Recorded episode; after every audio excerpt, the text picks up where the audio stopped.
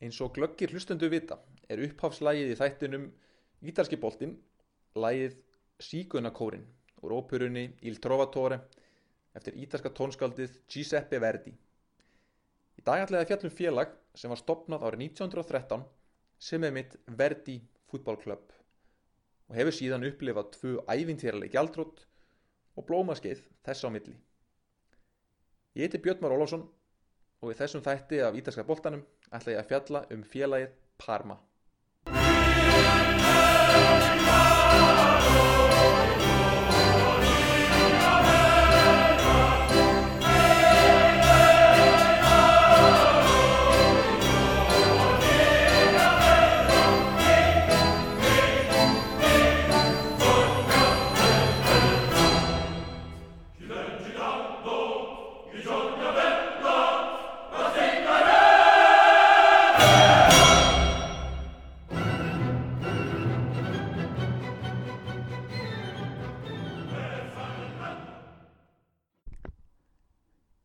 Parma er sem sagt fæðingarstaður tónskáldsins Giuseppe Verdi. Félagið var stopnað árið 1913 en hétt þá sem sagt Verdi fútbólklöpp í höfuðið á tónskáldinu en þá voru einmitt 100 ár frá fæðingu hans í bænum Buseto í Parma. Síðar sama ár 1913 var nafninu breytt í Parma fútbólklöpp. Í síðustu viku fjallaði um Fiorentina frá Flórens sem er auðvitað heimsfræð borg á alla mögulega vegu. Parma en er samt í rauninni ekkit minna þekkt en þó fyrir allt annað. Borgin er í Emilia Romagna hér aðinu sem á sér um eitt landamæri að Toskana þar sem Flórens er staðsett. Parma er þekkt fyrir tvennar vörur sem báðar eru kendar við hér aðið. Parmesanostur og svo auðvitað parmaskingan. Félagið Parma er oft kallað Il Ducali eða menn hertugans eftir hertugadæminu Parma sem stopna var á miðöldum. Upprjónulega leik félagið Parma í bláum og gulum búningum sem voru einkennislitir hertugadæmisins gamla og einkennislitir borgarinnar. En eftir fyrri heimsturöldina var ákveðið að leika frekar í hvítum búningum með svörtum stórum krossi. Þannig voru búningarnir í um 80 ár. En þegar félagið fór að keppa um titla á tíund áratögnum ákvaðu eigundur liðsins að aðgreina félagið meira frá Juventus. Það þótti svona ekki henda að vera aðal keppinutur Juventus og spila líka í svörtum og hvítum búningum. Og því fór liðið að spila aftur í þessum enginandi gulu og bláu búningum. Og þar að viðunefnið Giallo Blue eða hinn er gulbláu. Jafnvel þótt félagið sé aftur farið að spila í svörtu og hvítu. En þá skemmti heldur ekki fyrir á tíundaratögnum að enginnislitirnir, bláur og gulir, var líka enginnislitur styrtaraðala liðsins á þessum tíma, fyrirtæki Parmalat. En ég mun nú koma nánar að því fyrirtæki og sögu þess hér og eftir, því það er samtvinnað með sorgarsögu félagsins Parma. En fyrstu árin leik félagið í næri deildum. Völlur félagsins var byggður árið 1923 og leikur félagið enn í dag á sama vellinum og er þetta því einn elsti völlur sem notaður er á Ítalíu í dag. Stadio Ennio Tardini. Þessi Ennio Tardini var stjórnmálamaður í Parma á þessum tíma og mikill verkalýsfóringi. Hann var einn helsti barátumadur fyrir byggingu vallarins en lést því miður skömmu áður en völlurinn var fullgerður. En það var kannski til þess að hann sem meira minnst í dag heldur en ef hann hefði lifað vegna þess á Ítalíu má ekki skýra velli í höfuðuð á lifandi personum.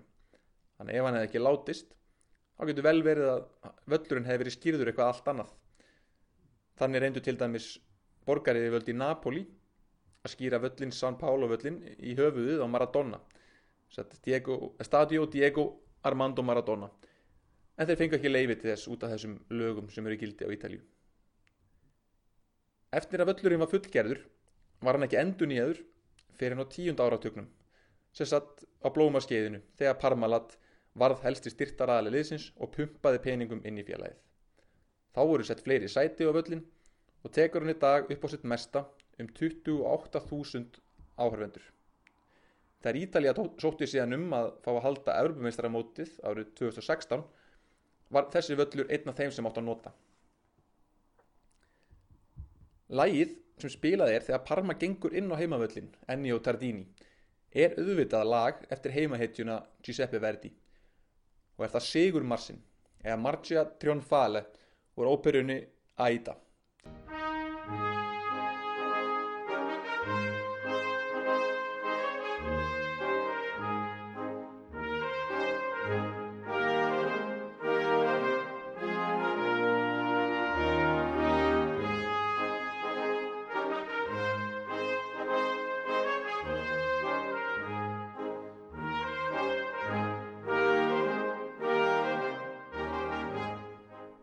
Nokkrum árum eftir stopnum félagsins komst liðið upp í það sem hétt þá Prima Divisione eða efstu deildina.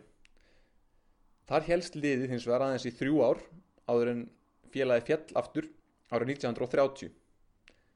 Þá átti félagið ekki eftir að komast upp í efstu deild aftur fyrir árið 1989, settum 60 árum síðar. Saga félagsins á þessum árum frá 1930 til cirka 1986 er ekkit sérlega áhugaverð. Eh, það áhugaverðasta er að félagi var gjaldrót árið 1968 og var stopnað aftur nýtt félag með svipuðu nafni eða Calcio Parmenese eh, áður en félagi kipti síðan aftur rétt inn að gamla nafninu og varð alveg eins og gamla Parmafélagið. En þetta gjaldrót árið 1968 átti ekki eftir að verða það síðasta í sögu félagsins sem er ennverið að skrifa í dag. En síðan á 8. áratögnum leik félagi lengst af í serju C sem sett á þriðja leveli á Ítalíu. En komst eitt tímabil upp í B-deildina og var það undir stjórn góðsagnarinnar Cesare Maldini sem að auðvitaði fadir Pálo Maldinis. Cesare Maldini átti sjálfur stórkostlegan knasputnum feril með Asi Milan og síðar líka frábæran þjálfaraferil. Hann leik allt í allt 347 leiki með AC Milan og var auðvitað fyrirliðið liðsins, rétt eins og sonurinn síðar. Svo þjálfaði hann Milan í tvö ár áður hann tók við Parma og síðar átti hann eftir að taka við ítalska landsliðinu og þjálfaði þá á HM 1998. En þá hafði hann áður gert ítalska U21 ás landsliðið að Evropamisturum árið 1996. Í ítalska U21 ás landslýsopnum árið 1996 voru mörg þekkt andlit á borð við Alessandro Nesta, Francesco Totti, Fabio Cannavaro, Damiano Tomasi, Cristian Panucci, Alessio Tassinardi. Þannig að þarna voru allavega þrý sem áttu síðar eftir að verða heimismistar. En allavega, Cesare Maldini hætti síðan sem þjálfari og félagi helt áfram í sételdinni á Ítalíu. En næsta blómaskeið í sögu félagsins og þetta stóra blómaskeið sem við munum eftir í dag varð ekki fyrir en annar maður önnur Asi Milan góðsögn tók við stjórnartöminum og er það þjálfarin allræmdi Arrigo Sacchi. Arrigo Sacchi er einfallega góðsögn í þjálfara heiminum og Ítalíu. Sérstaklega eftir dvöl hans hjá Asi Milan þar sem hann vann bæði deildina og meistaradeildina. Og er hann í raunar síðasti þjálfarin til þess að vinna meistarallildina tvö ár í röð árið 1989 og 1990. Ég mun fjalla betur um Saki þjálfarastílinn hans við setna tilefni, sennilega þegar fer yfir Asi Milan í einhverjum þætti. En hér er nóg að segja það að fræðastjarnan hans reys fyrst með Parma þegar hann kom Parma upp í serju B úr serju C. Saki var aldrei aðdunumæður í knaspjörnu, langt í frá og hafði því þurft að vinna sig upp frá botnunum með því að þjálfa neðrætildalið. Þannig að hann kom Parma upp, upp í serju B og var síðan hásbreytt frá því að komast strax upp í serju A árið eftir en það vantaði síðan þrjú steg upp á í lók tímabilsins. Það tímabil tókst félaginu líka að slá út stórlið Asi Milan úr byggarnum og það reyndist örlagaríkt fyrir Saki. Því eigandi Asi Milan á þessum tíma var Silvio Berlusconi. Aðeins yngri Silvio Berlusconi sem var á þessum tíma að geta sér gott orð fyrir góða domgrend þegar koma knaspinu. Hann var að vonum ósáttur með að stórlið hans AC Milan hafði dottið út á móti félagi úr bjedeldinni. En hann heitlaðist af leikstíl hins óþekta Sakis. Saki hafði sem áður segir aldrei verið atvinnumæður knatsbyrnu en þess að fjóri fjóri tveir leikkerfi hans með svæðisvörn, mjög grimmri svæðisvörn og rángstuðugildru var talsvert á undan hans samtíma. Berlusconi ákvað því að ráða Saki strax um sumarið. Parma, aftur á móti, helt áfram dvölsinni í serju B í tvö ár. Þeim fannst auðvitað sárt að missa Saki sem hafi gert félaginu mikið en tveimur árum síðar hóft síðan æfintýraferðin sem endist í meirann áratug. Árið 1989 var þjálfarin Nevi og Skala ráðum til Parma. Strax eftir komst félagið upp í efstudeld, fyrsta skipti frá árið 1930 eins og ég sagði á hann. Ekki skemmti fyrir uh, hjá stuðningsmönnum Parma að leikurinn sem að tríðu þeim fastseðilinn upp í efstudeld var sigurleikur gegn ofinnunum í Reggiana í svo kalluðu Derby del Ensa sem kent er við ána Ensa sem aðskilur héruðum tvö, Parma og Reggio Emilia. Stuðnismenn Reggiana, Reggiana sem hefur ekki riðið feitum hesti í deltakeppninu undanfæran ár, tóku tapinu afar ítla og voru nokkri stuðnismenn handteknir og rúðurnar á lestastöðunu í Parma voru ítla leiknar eftir skemdaverk. En það sem Parma var nú komið upp í efstudild fóru viðskiptajöfrar í nágruninu að styrkja félagið meira og þeim möguleika var veld upp að nota félagið sem einhvers konar flagskip fyrir fyrirtæki Parmalat. Parmalat var á þessum tíma stærsti eigandi félagsins er hluthafi. Fyrirtækið er gríðastort fyrirtæki í matvælaðiðnaði. Nána tildekið þá framleiða mjölkurvörur og aðra drikkjavörur í setjum tíð. Parmalat var á tíunda áratögnum flagskip ítalskar matvælaframlegslu. Eða allt þar til félagið var gjaldróta árið 2003 í einu stærsta gjaldróti sögunar. Þá allt í einu komi ljós 14 miljardar evra gat í bókandi félagsins. Árið 2002 störfuðu 30.000 manns hjá fyrirtækinu í 30 löndum og félagið var í mörg ár einn aðal stuðningsaðili Formule 1 liðs. En við skulum halda okkur við knastbyrnunni í byli því það verður nóg rætt um þessi gjaldrót á eftir. Parmalat pumpaði sem sagt peningum inn í Parma á tíund áratögnum. Og árangurinn leta ekki á sig standa. Árið 1991 komst félagið í UEFA byggarinn og árið 1992, tveimur árum eftir að félagið komst upp í efsudelt, vann félagið Ítalska byggarinn. Í úsleitunum lagði liði Juventus í tveggja leikja rimmu. Árið 1993 vann félagið svo Európa-kjefni byggarhafa með sigri á Antwerp í úsleitunum sem fóru fram á Wembley. Síðar sama ár vann félagið UEFA byggarinn með sigri á AC Milan 2-1 samanlagt. En síðan árið eftir tapaðist síðan úrslitaleikur í Európa-kjefni byggarhafa. Síðasti titill Skalas, Nevi og Skalas, sem þjálfari Parma kom árið 1995 þegar liðið vann aftur Juventus í tveggja leikjarimmu í úslita einvíinu. Árið eftir ákvað skala að yfirgefa félagið og annar þjálfari að nafni Carlo Ancelotti var áðinn. Hérna var Carlo Ancelotti aðeins ungur og mun óreindari þjálfari en hann er í dag. Hann leti félagið til annarsætis í deldinni og lekti félagið meistaradeldinni árið eftir. Og árið 1998 tók svo þjálfarin Alberto Malesani við. Malesani leiti liðsins til sigurs í tveimur byggakeppnum það ár. Sett ákveðin tvenna, sigur í ítalska byggarnum og sigur með sigri á Fiorentina í úslitunum og í UEFA byggarnum með sigri á Marseille áður en liðið vann svo ítalska ofubyggarinn árið 1999. Sett allt, allt í allt þrýr titlar á þremur mánuðum. Það er algjörlega magnað að renna yfir leikmannahóp Parma í úslitaleiknum í UEFA byggarnum árið 1999. Í markinu var 21 ás gamall Gianluigi Buffon. Í vördninni voru þeir Fabio Cannavaro, Lilian Thuram og Nestor Sensini. Á miðjunni hafði þjálfarinn úr að velja Juan Sebastián Verón, Dino Baggio, Alain Bogosian og Stefano Fiore. Framlínan var heldur ekki að verða endanum. Þess 23 að 4 ára gamall Hernan Crespo, Faustino Asprilla, Abel Balbo, argentíski framherrin og síðan Enrico Chiesa. Stærsta nafni á þessum tíma hlýtur í raun að vera nafn framherjans Hernan Crespo. Þessi argentínski framherji ólst upp í Buenos Aires hjá efri millisetta fjölskyldu. Hann var því sendur í engaskóla og fekk mentun og kemur því ekki frá alveg sömu menningu og margir aðrir argentínski leikmenn á þessum tíma.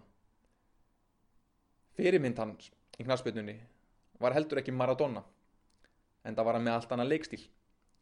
Fyrirmyndin hans voru tvær. Það var Mario Kempes, argentínski framherrin og Gary Lineker. Það skrítið að hugsa til þess að argentísku framherji skulle haft Lineker sem fyrirmynd en þetta er ekkert einstæmi í Suður Ameríku. Til dæmis greindi brasilíska jarðítan á miðjunni Felipe Melo sem leik með Juventus og Inter fyrir skömmu.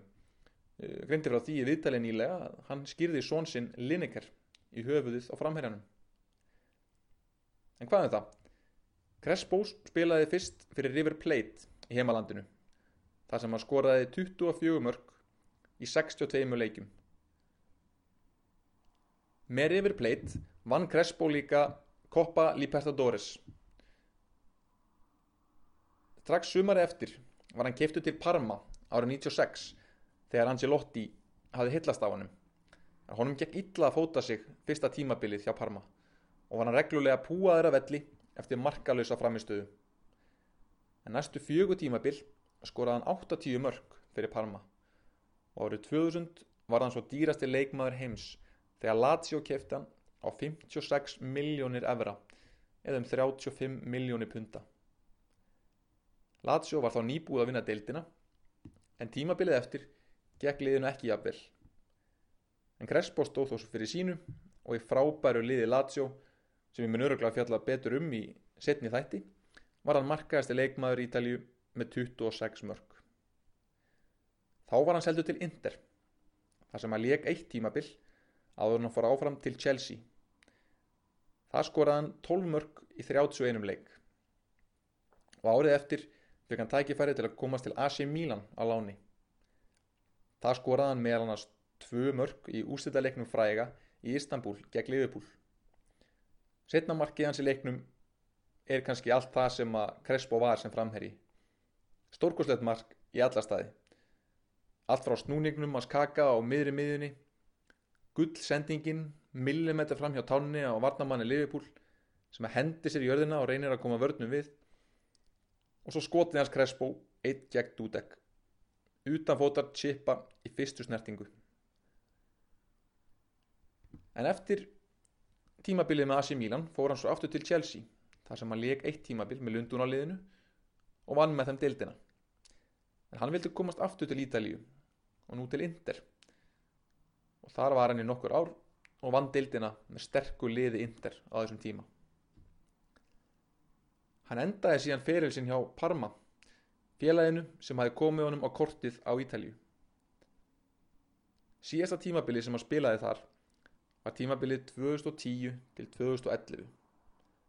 Hann tók svo við stjórn úlingaliðs Parma árið 2014 þar sem hann þjálfaði allt fram til gjaldtrótsins árið 2015. Crespo hefur síðan greint frá því að hann hafi ekki fengið greitt fyrir starfsitt sem úlingaþjálfari hjá Parma en það var alltaf stefni gjaldtrót en hann held áfram að starfa og gaf mikið af vinnu sinni til hennar ungu og efnilegu, efnilegu leikmanna í úlingaliðinu. Lilian Thuram og Fabio Cannavaro sem spiluðu með Crespo hjá Parma áttu líka eftir að eiga stórkostlega ferla. Báðir fóru til Juventus áður en Thuram laug síðan ferlinum hjá Barcelona og Cannavaro fór til Real Madrid. Thuram var á þeim tíma þegar hann leik með Parma orðaði mikið við Lazio og í eitt skipti áttu félögin að hafa komið sér saman um sölu. Þetta var á þeim tíma þegar Lazio var upp á sitt besta og var að berjast um deildamestaratitilin. En ákveðni stuðnis með Lazio höfðu engan áhuga að fá leikmann af afrískum uppruna í sína raðir og komiði vekk fyrir kaupin á honum með mótmælum. En Túram, þessi stórkoslega varnamæður, er í dag leikihæsti landsliðsmaður frakka frá upphafi. En Túram á þessum tíma með Parma leki hægri bakverði. Því sá sem leki miðverðinum við hlið hins síðharða Cannavaros var þá argentínski hjálkurinn Roberto Nestor Sensini. Juan Verón á miðjunni þar vart að kynna fyrir neinum manni en hann leka eins eitt tímabil með Parma eftir að hafa verið keiftur frá Sampdoria. Hann fór líka áfram til Lazio þar sem hann vann deildina. Áður hann fór til Manchester, Chelsea, áður hann laugs og Európuferlinum sínum hjá Inter. Eftir að Crespo var seldu frá Parma árið 2000 um aldamótin kefti félagi tvo unga og efnilega leikmenn og síðar glömgosa það var brasilíski framherjin Adriano og rúmenski sóknamaðurinn Adrian Mutu Adriano kom í skiptum fyrir Fabio Cannavaro frá Inter á meðan Adrian Mutu kom frá Hellas Verona Adriano átti stórkoslega ár með Parma og síðar Inter áður en djam lífstillin hans fór að grafa undan ferli hans á síðar árum. Mútu, sem þótti gríðarlega efnilegur á sínum tíma, fjall á Livjaprófi þegar hann var leikmaður Chelsea. Í kjölfarið hófist málaferli og hann tapaði domsmóli sem félagið höfðaði gegn honum og lendi hann þá í fjáraskrökkum.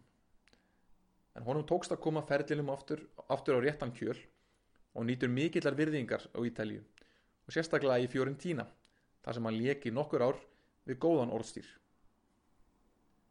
Enrico Chiesa, sóknamaðurinn, er eina af þessum stjörnum sem var stór af Ítalju en fekk ekki aðtegli heimsbyggðarinnar þar sem hann lek aldrei með Juventus, Milan eða Inter. Þvert á móti var hann það sem kalla má héras hetja. Hann var hetja í því héraði sem hann leki í hverju sinni. Hann hóf ferilinn með Sampdoria, leik svo með Chieti, Modena, Cremonese, Parma, Fiorentina, Lazio og síðan Siena í fimm ár. Og nær alltaf með nummer tíu á bakinu, í aðeins og stórri treyju, en hann var ekki sérlega hár í loftinu.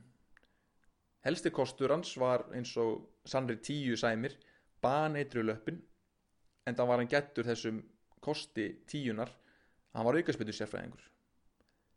Hann var í landslýsóp Ítalíu árin 1996 og 1998 á HM og EM en eftir það var hann alltaf örlillum klassa neðar en tíunar Totti og Del Piero. Eins og ég nefndi í þættinum um Fiorentína þá leikur Federico Chiesa, sonur Enricos, í dag með Fiorentína. Hann er ungur og efnilegur og hefur slegið rækilega í gegn á þessu tímabili. En allir þessi leikmenn þurft að yfirgefa félagið og einhver, Parma á einhverjum tímapunkti og þeir sem voru ekki búinir að yfirgefa það þegar gjaldrótið kom þeir þurftu að gera það ansisnögt Parma hafði kringum árin fyrir 2003 verið afar virt á leikmannamarkaðinum eins og ég hef talið hér upp.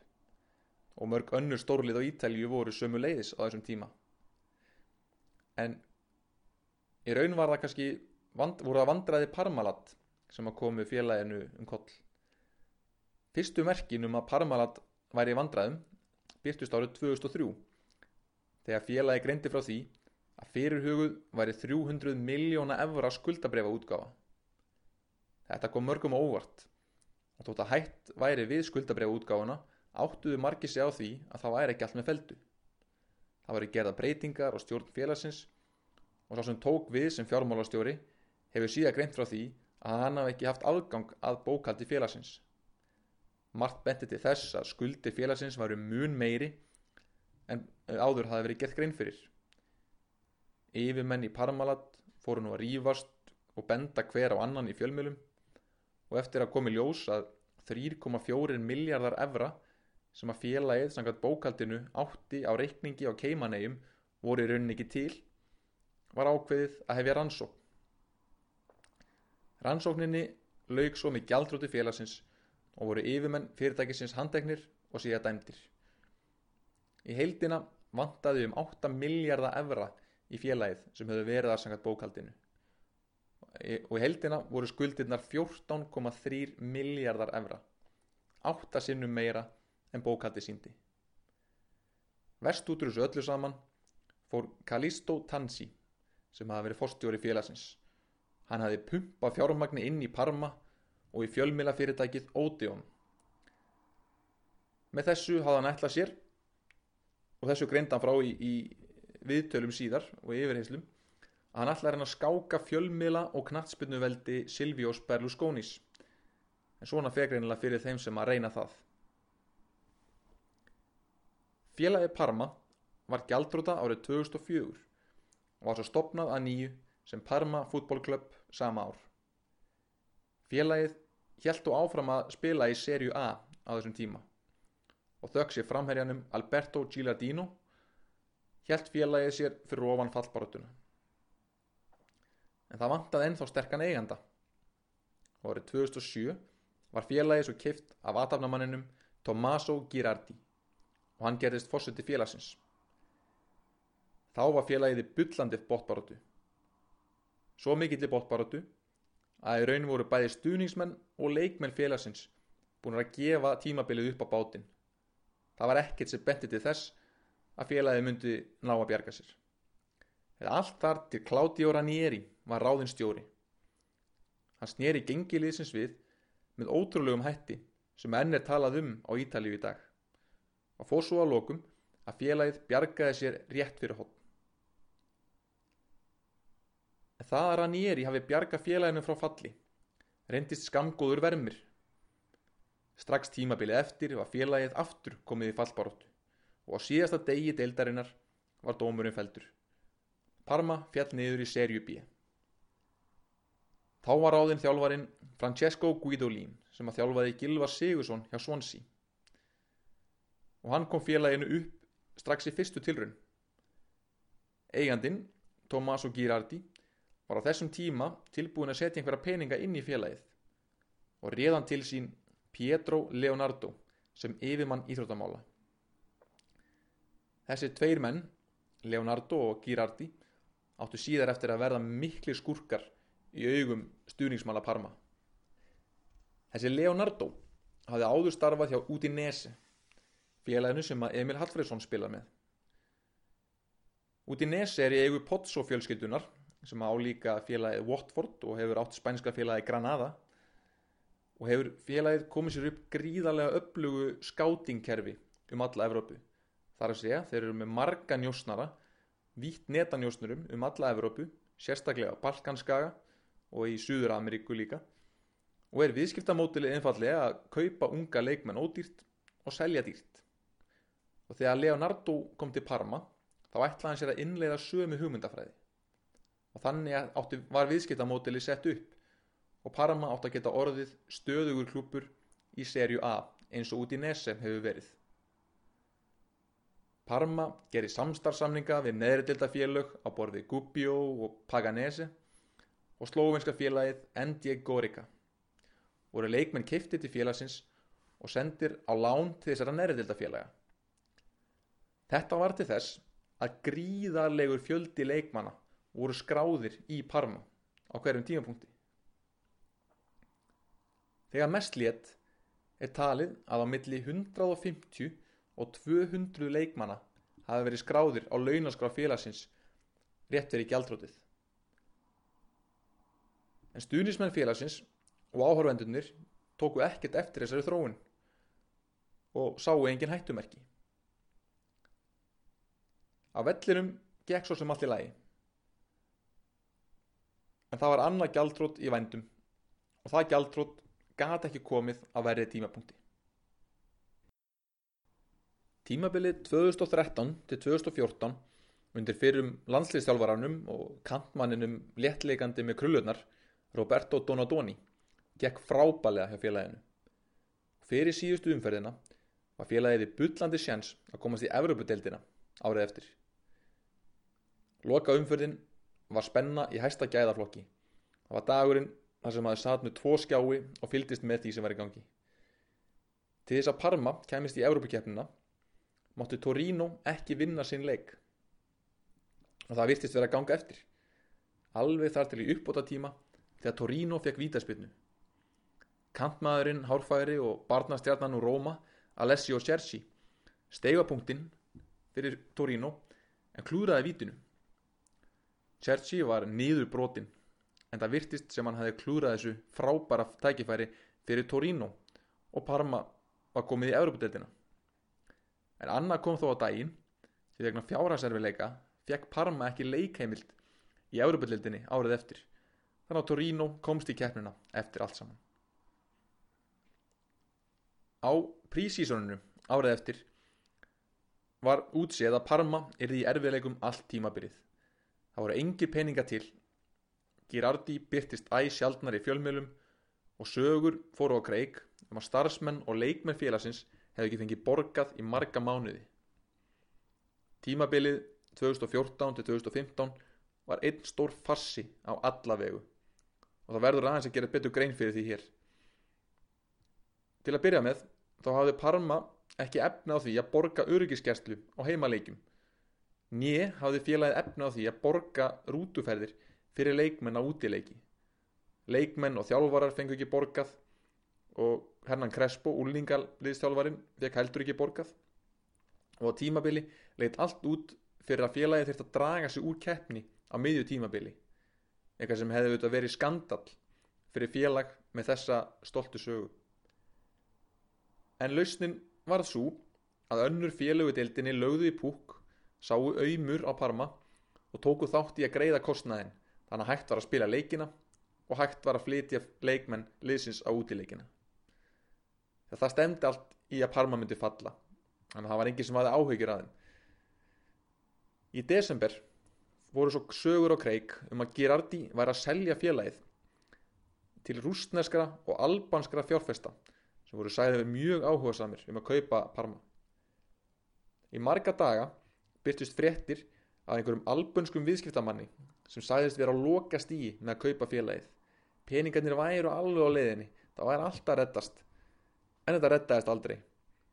Þessi albanski viðskiptamaður reyndist vera einhvers konar svikarhappur sem átti enga peninga. Egnarhalsfélagið sem hann ætlaði að kaupa Parma með var skráð til heimilis á gamalli konu í bæ einum í Albaníu eins og ítalski fjölmjölar uppgötuðu þegar þeir ætluði að komast að því hver þessi fjárfeistir væri. Og á lokum voru heildarskuldi Parma orðnar um 200 miljónir evra og gjaldrótt var óhjákvæmilegt og hatur stuðnismannana beindist aðalega að Girardi og líka Leonardo.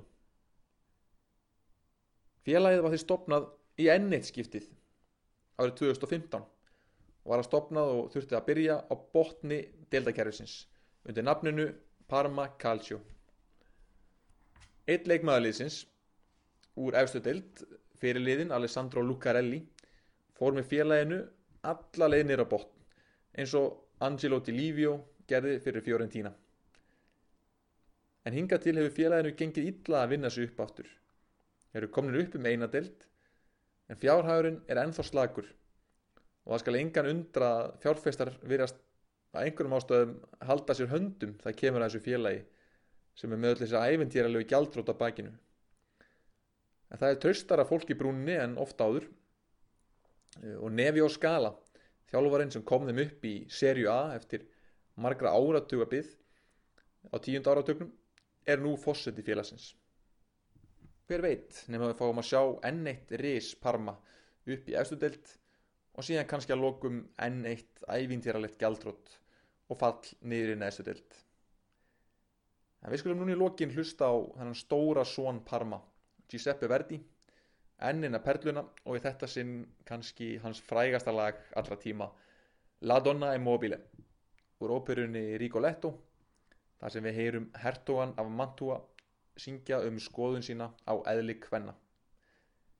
Í næstu viku muni fjallum félagið úr vinnröða hluta Torino borgar, nefnilega félagið Torino. Verðið sæl.